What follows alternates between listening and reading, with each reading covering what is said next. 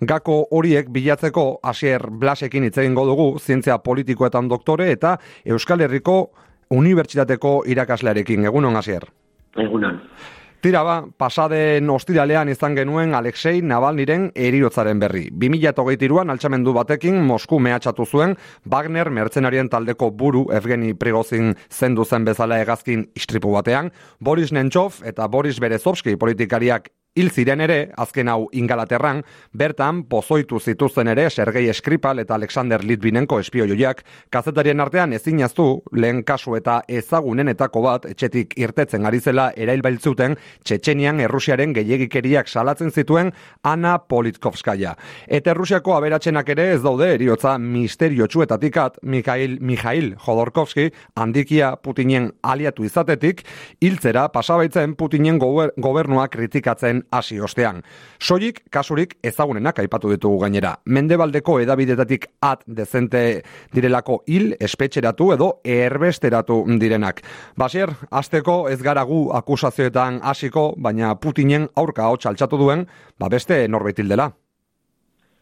Bai, e, gainera, e, nola baitere, hemen gelitzen den galdera da, eriotza izan den era ez zuzenean provokatua, edo edo zuzenean, ezta? E, izan daiteke ba zegoen baldintzen gatik eta mm kartzela horretan ba nola ere eriotz mantxo bati nola ere kondenatua egoteagatik edo zuzenean ba pozoindu edo hil dutelako modu batera edo estera.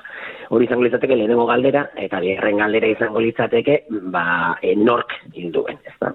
Eta hor badakigu Errusian transmititzen denaren kontra e, ez dago e, sistema autoritario bada dudari gabe baina ez dago ez daukai beste botererik e, Putinek mhm. Putin benetan boteretsua baldin bada eta bada dain zuzen ere sistema autoritario horretan daudelako botere e, gune desberdinak, e, polo desberdinak, normalean e, batzean esango genukena da pertsona boteretsua hola, normalean gizonezkoa, Eta Putinek egiten duna artekaritza mhm. bo, e, lana botere gune hoien artean.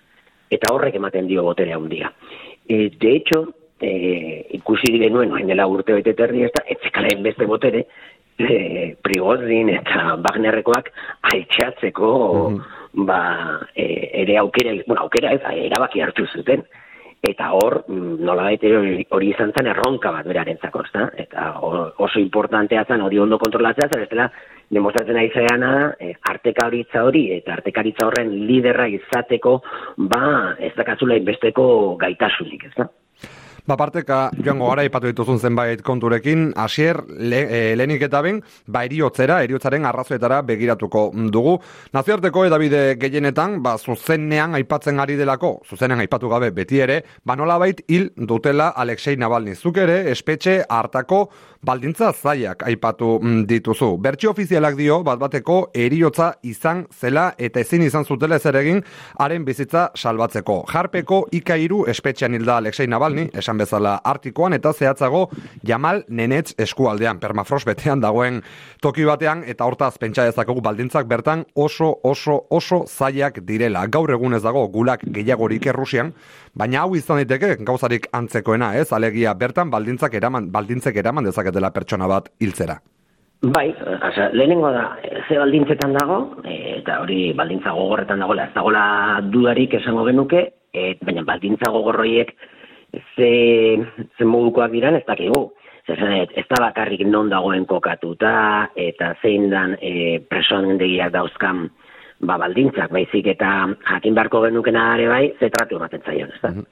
Eta tratu horren arabera, ba, baldintzak okerragotu baitezke horrendik eta gehiago. Eta gero dagona da, e, gaixotzen baldin bada, e, zeo zer gertatzen baldin bazaio, nola hartatu dute. Hori izango urrengo galdera, ez da? Eta gero, ba, bueno, beste aukera dagoena da, norm, e, ba, e, presondegian bertan, e, norbaite bere kontrako erasoren bat egitea moduren batera edo estera, edo pozoinaren bitartez, o denaren bitartez. Azken hau badirudi behintzate, bertxo ofizialak baztertzen duela, diote bat bateko eriotza izan zela, eta gainera, eh, saiatu zira, behin baino gehiago Alexei Nabaldi suspertzen. Baina tira, utziko dugu gertakaria propio eta asgaitezen ongiru ditzen bazaizu Nabaldiren profila osatzen. Gauza baten inguruan zure iritzia eskatu nahiko nizuke. Sentsazio dakat, Navalni izan dela enbatean, azken urteotan, Putini zuzenean eragiteko modua hobekien ulertu duena. Putinen aurkako oposizioa zeharo zapalduta dagoen testinguru batean, ba presidenteak bi aukera eman zizkiolako Navalniri egazkin hartako pozoitze kasua tartean, atzerira jotzea ala Errusian isilik gelditzea. Navalnik ez bata ez bestea eta muturreraino eraman zuen bere desafioa Kremlinari. Bueno, a ver, mm, Navalny azteko ez da Errusiako opositorerik eh, ezagunena. Hasieran mm -hmm. esan duzu bezala zenek hori zaia. Ezagunena da Mendebaldean. Hori dudari gabe. Mendebaldean bai, ezagunena da.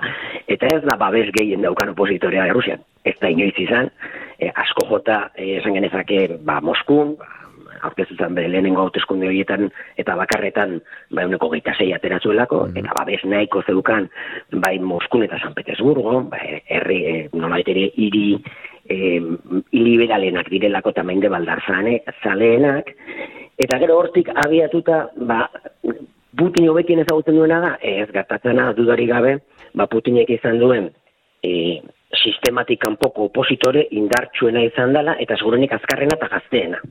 Nabalik berbaita zazti urte mm zituen, uste dituro gehieta maseikoa zala, e, eta bera oso ondolotetan ari ez gaur egun, ba, sare sozialen logikarekin, internetarekin, famatu egin zan, mm, blog baten bitartez, eta gero youtuber bezala, mm eta izuzen ere, showman bat. Eh? Showman baten batean, ez da? Bueno, ez dakit showman bat, ez da, goita bat mendeko gizon bat. Eta alde horretatik, Claro, eh, berak suposatzen zuen erronka erregimenaren zat oso importantea zan. Ze, claro, iristen zan nahi zuzen noren gana, gazten gana, belaunaldi berrietara, eta belaunaldi berriak beti dira dinamikoenak batez ere, ba, eh, mobilizazietarako eta aldaketa sustatzeko. Eta orduan alde horretatik, ez da dudarik, ba, oso politikari fina zala eta beste gauza bada berak defendatzen zuena. Eta hori ere da normalean asko kontatzen mendebaldean. Horren inguruan galetu nahi ez jarraian, ze argi dagoena da hasier Navalnirena mendebaldearen instrumentalizazio kasu argi bat dela. Entzun ditugulako, eh, azken egunetan, Europar Batasuneko edota Estatu Batutako buruzagiak, esaten Navalni askatasunaren borrokalari bat zela, baina gutxi hitz egin digutearen xenofobiaz, ala ikuspegi espansionistaz. Politikoki nortzen, Alexei Navalni? Bueno, Alexei Navalny, a ver, lehenengo, gustatuko leitzadeke, bai, agian gogora ez da gure entzulei, orain dela bi aste kazetari bat hiltzala Ukrainako personiki batetan. Eh, kazetari estatu batuar txiletara, eh, zala Gonzalo Lira. Eta Gonzalo Lira hiltzan, eta erabidek ez zuten ez erresan. Eta kasu honetan, gainez, Gonzalo Lira, kazetari bat zen, Ukraina bizizena, Ukraina emakume batek e, e, eskonduta zegoelako, eta mm, pare bat zemeala bat zezkan, eta youtuber bat zen. Eta arduan, Ukrainaren kontrako, Ukrainako gobernuaren pozizioaren kontrako jarrera zuenez, atxilotu, eta e, bost zeila betetan antxe izitzaien. Eta horri buruz, segurenik hemen ez dut egin. Eta ez zuten hitz egin, mendebaldeko edabide gehienak. Orduan, horrek ja, adirazten du, nabalni, zer dan, ez da? E, tresna bada, tresna politiko bada, Errusiaren aurka, Errusiako gobernuaren aurka egiteko, eta e, gainera tresna politiko hori elikatua izan da. E, Nabalirekin egin dutena mendebaldeko e, diruak, mendebaldeko gobernuek, beste dozenek egiten baldin badu, mendebaldean preso dago ere bai. Gutxiago batik ere preso daude, adibidez Pablo González, Polonian. Eta ere baldintza oso gogorretan eta inori ez, ez zaio argilura orpeia jartzen. Baina ez da, eh, Paulo González bakarrik, eza, imaginaz da zute, orain dela gutxi ere, irabitzen ari nahi zen informazioa da, orain dela gutxikoa. E, Tatiana, e, entzuko zen duten, ba, Rusiar e, implikazioak ez dakizte dela, e, prozesean, ez da? Uh Tatiana Janokova, e, Tatiana Janokova da Europarlamentario bat, eta orain dela, aste bete terdi, obiazte, aterazan ikerketa bat, e, Baltikoko herrialdetan, e, Letonian, berari buruz, akusatuz, esanez, e, KGB-ko agente bat, bueno, FSB-ko agente bat zala, e, edo bere zerbitzura zegoela, izan zitulako politikari e, errusiar batzuekin harremanak. E, eta bilera batzuk. Besterik gabe, hori baldin ba, eta eskatu zuelako diru, e, bere mugimenduaren zat. Bera zer da, Europako Berde eta Aliantza Libreko eurodiputatua katalan independentisten laguna eta euskal independentisten laguna historikoki. Claro, beraz ze defendatzen zituen Errusiako gutxiengoen, osea, Letoniako Errusia gutxiengoren eskubidea. Eta honegatik bakarrik ja bapatean agentea da. edo agentea dala esaten dute. Imaginatzen zute, e, pixka bat regla hori aplikatuko da genio. Orduan Navalni izango litzateke super agentea eta ez aplikatzen. Orduan, kontutan izan behar dugu, tratatzen ditugunean berriak eta informazioak, e, ze prismatik, ze beta horrepetatik irakurtzen dugu. Orduan, Navalniren kasuan, tresna bada, dudari bai. Mene aldeko tresna bada, aparte ere, badauka bere funtzioa Rusian, eta bere jarraitzaileak, eta ez dana zilegi da, opositore bat, induten bezala era zeharkakoan edo zuzenekoan hiltzea. Bere ideologia zer da? Bueno, ba, bere ideologia da, e, e, normalean Moskun eta San Petersburgoko ba, liberalek duten ideologia. Dala, xenofoboa eta razista, merkatu liberaren aldekoa, eta baita ere ongizate estatuaren aldekoa. Gutxo gara bera, elementu horiek definitzen dute nabaniren ideologia. Mende baldartzaletasuna. Mende baldartzaletasunak zer esan nahi du Rusian? Esan nahi du da, ba, e, kaukasoarrak, diala asiatikoak, e, azpiegaratuak, e, guk nahi duguna dala jendea kolore txurikoa, begi urdinak, hile horia, eta, pues, por supuesto, e, zibilizatuak, mendebaldarrak, europarrak, eta, eta abar, eta abar. Eta hori, ez da kontatzen, da gainez, hori, bere azkeneko momentu artea txilotu horretik defendatu zuen. Uh azka bideoak, zuzenean, osea, benetan ja ez da xenofoa da razista ala, benetan, de, ingeles esatuten bezala, bezala xe, disgusting, benetan oso e, tonu txarrekoak dauzka. Eta hortaz ez da hitz egiten edabidetan, ez da? Betiko, basango dugu, doble raseroa, zentzu horretan bardura handia dugula, eh, eta bideok, eta zuk esan bezala, beti gauzei, ba beste prisma batetik begiratzea komeni dela, lehenik eta behin ematen diguten prismorrekin, eta gero beste aldean jartzea. Hasiera hau guztia martxoan egingo diren hauteskunden aurretik pasatu da, bertan Putin bosgarren aldiz hautagai.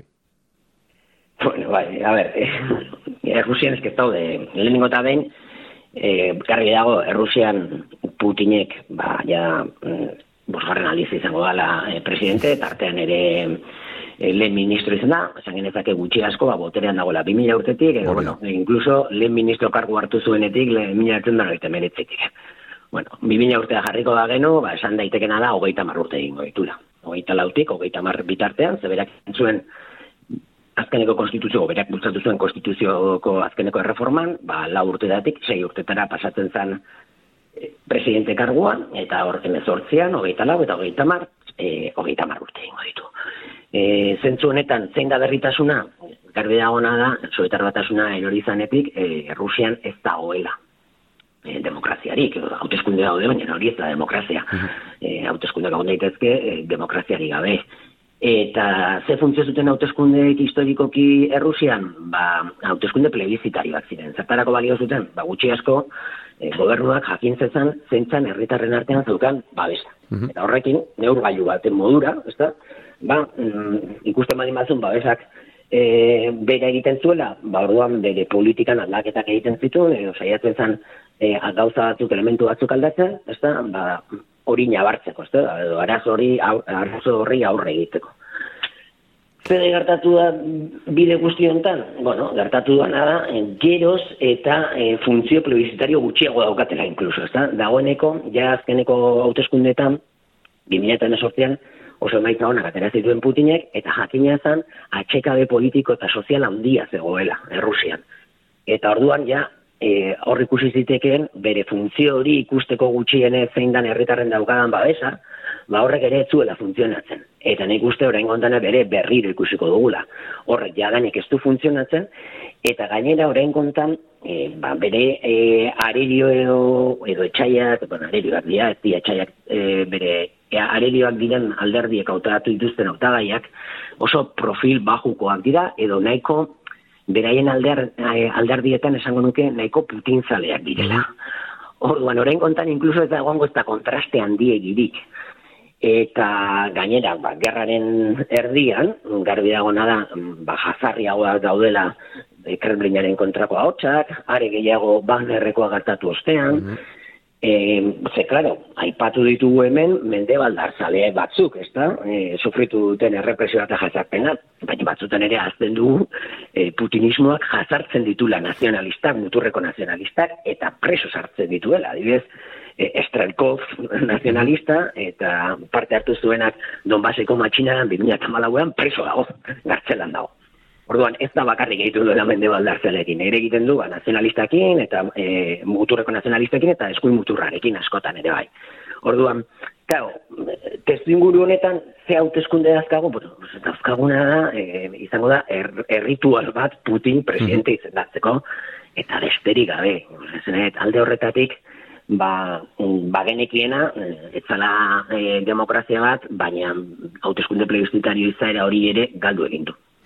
Tira, ba, gainera, ba, aurkeztuko diren alderden artean, zuek zeuk esan duzu, eh, bueno, badira komunistak, badira ultranazionalistak, baina denak, inbatean ala bestean, Putinen aliatu agian ez, baina neko gertuko, Hor baita Boris Nadesdin zegoen, hainbat tokitan irakurri ahal izan dut, ba, hau zela kaso Putinen aurkako diskurso irekiena zuena, baina azkenean, ba, bere autagetza baztertu dute, mm, babes nahikorik bildu ez dituelako. Zer dakizu Boris Nadesdinen, Boris Nadesdinen inguruan? Bueno, ez da, bera bakarrik, atentzio daitu duena, orain gontan aipatzen duena, ez da, e, geroz eta hautezkunde itxiagoak gira, beti nola baitere irabazlea zen izango den badakigu, eta ez baldin bada, ez baldin badu irabazten irabazi dezan beharreko, e, ba, e, neurriak hartuko dituzte, kako txartean, hau da, autoskunde ustel batzuk izango dira, hori ikusi genuen, ba, laro gita margarren amarka, Jelsin eta Ziuanofen arteko borrokan, gaur egun badakigu, jakin badakigu, ba, e, alderri komunistak irabazi zituela autoskunde horiek, baina noski, azkenean formalki eta ofizialki, Jelsinek irabazi zituen, eta gogoratu ezagun, Jelsinen e, Jelsinek izendatzen duela Putin, eh? eta ematen diola e, nola baitere, ba, e, boterea. Ordan hori, e, aspalditik esan bezala xe, ba, jakin badakigu, beti zein izangoen irabazlea. Baina ikusi dana, azkeneko urtetan ere bai, hain zuzen ere hori da. E, ikusi duguna da, ba, datozen e, aurkeztu daitezken autagaiak gero eta gutxiago direla. Leno nahiko libre zala, ia edon aurkeztu zitekeen, eta gero badakigu er, e, ba, estatuaren aparatu guztia beti egongo dala estatuaren hautagaiaren e, alde, baina hori ere murriztuz joan da. Eta seguruenik hau izango dira, ba, hautagai gehien kanpoan gelditu diren hauteskundeak.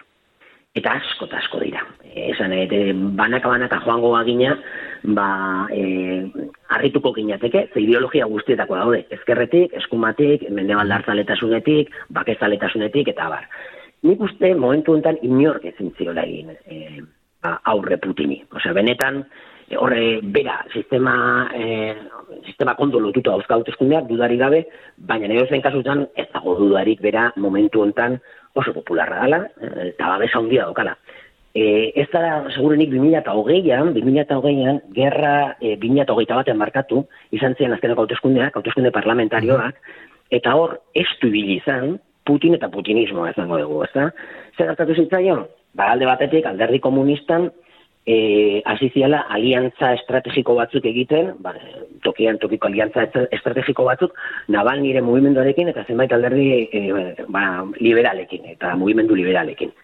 Eta orduan, gainera, iritsi izan ere alderri komunistera, ba, lidergo bat, e, leku batzuetan, eziki Moskun, gazteagoa, e, oso, oso, oso gaztea kasu batzuetan, eta, e, bueno, nahi esango dugu nola baitere, ogoita bat garren mendeko politikarekin asko zazere konektatu hagoa.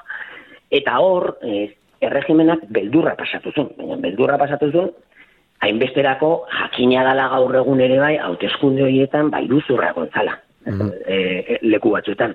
Eta, de hecho, Moskun, ez da kasualidadea, e, boskatu alizantzan, e, telematikoki, hau da, eta telematikoki hiru eta baita ere e, fisikoki baina hiru egunetara hiru egun eskaini ziren bozkatzeko orain por cierto hiru egun izango dituzte bozkatzeko presidentea ere bai eta e, gainez e, boto telematikoa sartu zutenean Moskun e, aldatu zian ikaragarri ez da emaitzak. Orduan oain ikusten duguna da hain zuzen ere e, ba E, e, lortu duena Putinek hauteskunde hauekin eta batez ere osagerrarekin lortu du eta koesionatzea bere inguruan ba, jendarteko zenbait sektore, dagoeneko oso atxeka baituta zuenak mobilizazio sozialak zeuden. Sekulako mobilizazio sozial ziklo egontzen 2008 eta hogeita bat artean sozioekonomikoak, ez nabalik, bai, nabalik egiten zituen bereak, baina horiek alderatuko bagenitu, ba, pensioniste mobilizazioarekin, ba, oso txikiak ziren. Ez eta, beti bezala zen, bendeko edabidetan, protagonismoa nabalik zeukan. Eta ziklo guzti horrek, eraman zuena zan, ba, benetan Putin eta Rusia batuaren, e, bere alderdiaren, bueno, bera formalki ez da alderdiko kidea, ba, independentea bezala aurkezten da, baina, bueno, bere alderdiaren, ez da, e, babesan, ba, benetan, igadura ondi bat gertatzera, ez da? Hori, eta prozesu nahi baldin bat zute, ez dugu esan iraultzailea, baina bai ziklo mobilizatzaile importante bat azita zegoena Errusian, ba, geratu zen, Errusiakin baditu zuenean Ukraina. Mhm. Eta hasi eran inkluso, ikusi ziteken Errusian, ba, ez zegoela gogo askorik inbazio horrekiko, ez zegoen jendea, ez zegoen jende gehiena esango genuke ez zegoela pozik, edo gutxienez, e, bazuden ere e, kritiko batzuk pisua zutenak, eh? Zer gertatu duzan hasiera horretatik gaur egunera arte? Nik esango nuke bi elementu dutela garrantzia ulertzeko zergatik Putinek hainbesteko babesa dukan berriro ere, eta nola koesionatu dituen bere inguruan, ba, ez hori epatzatzen duen, ez da, ba, alderdi komunista, alderdi komunista, ba, batean, ba, azteiek desagertu daude, por cierto, 2008 bateko udazken hartan, alderdi komunistako politikariak atxilotuta kartzelearatu zituzten ere bai, eta hortaz ez da egiten ere mende baldean, noski. Baina, ordutik, orain, zeratatu alderdi. Baina, zer? Badirudi arazo txikiren bat daukagula, galdu dugula Asier Blas, eatuko gara berreskuratzen badeia eta bere alagatu zela. Baberak gu antza bai entzuten gintuela, gu bera ez, galdu dugula Asier Blasekin genuen elkarrizeta, baina berreskuratu dugu. Eta Asier, esandakoa denborari gabe geratu garela dagoeneko, hortaz, ba, eskerrak ematea, naiz erratean igande goizean egoteko tartetxoa hartzeagatik, eta tira, jarraituko dugula errusiara begira, eta nahi duzunean, ba, zurekin batera. Oso, eskerrik asko. Oso, gizana jo. Agur, agur.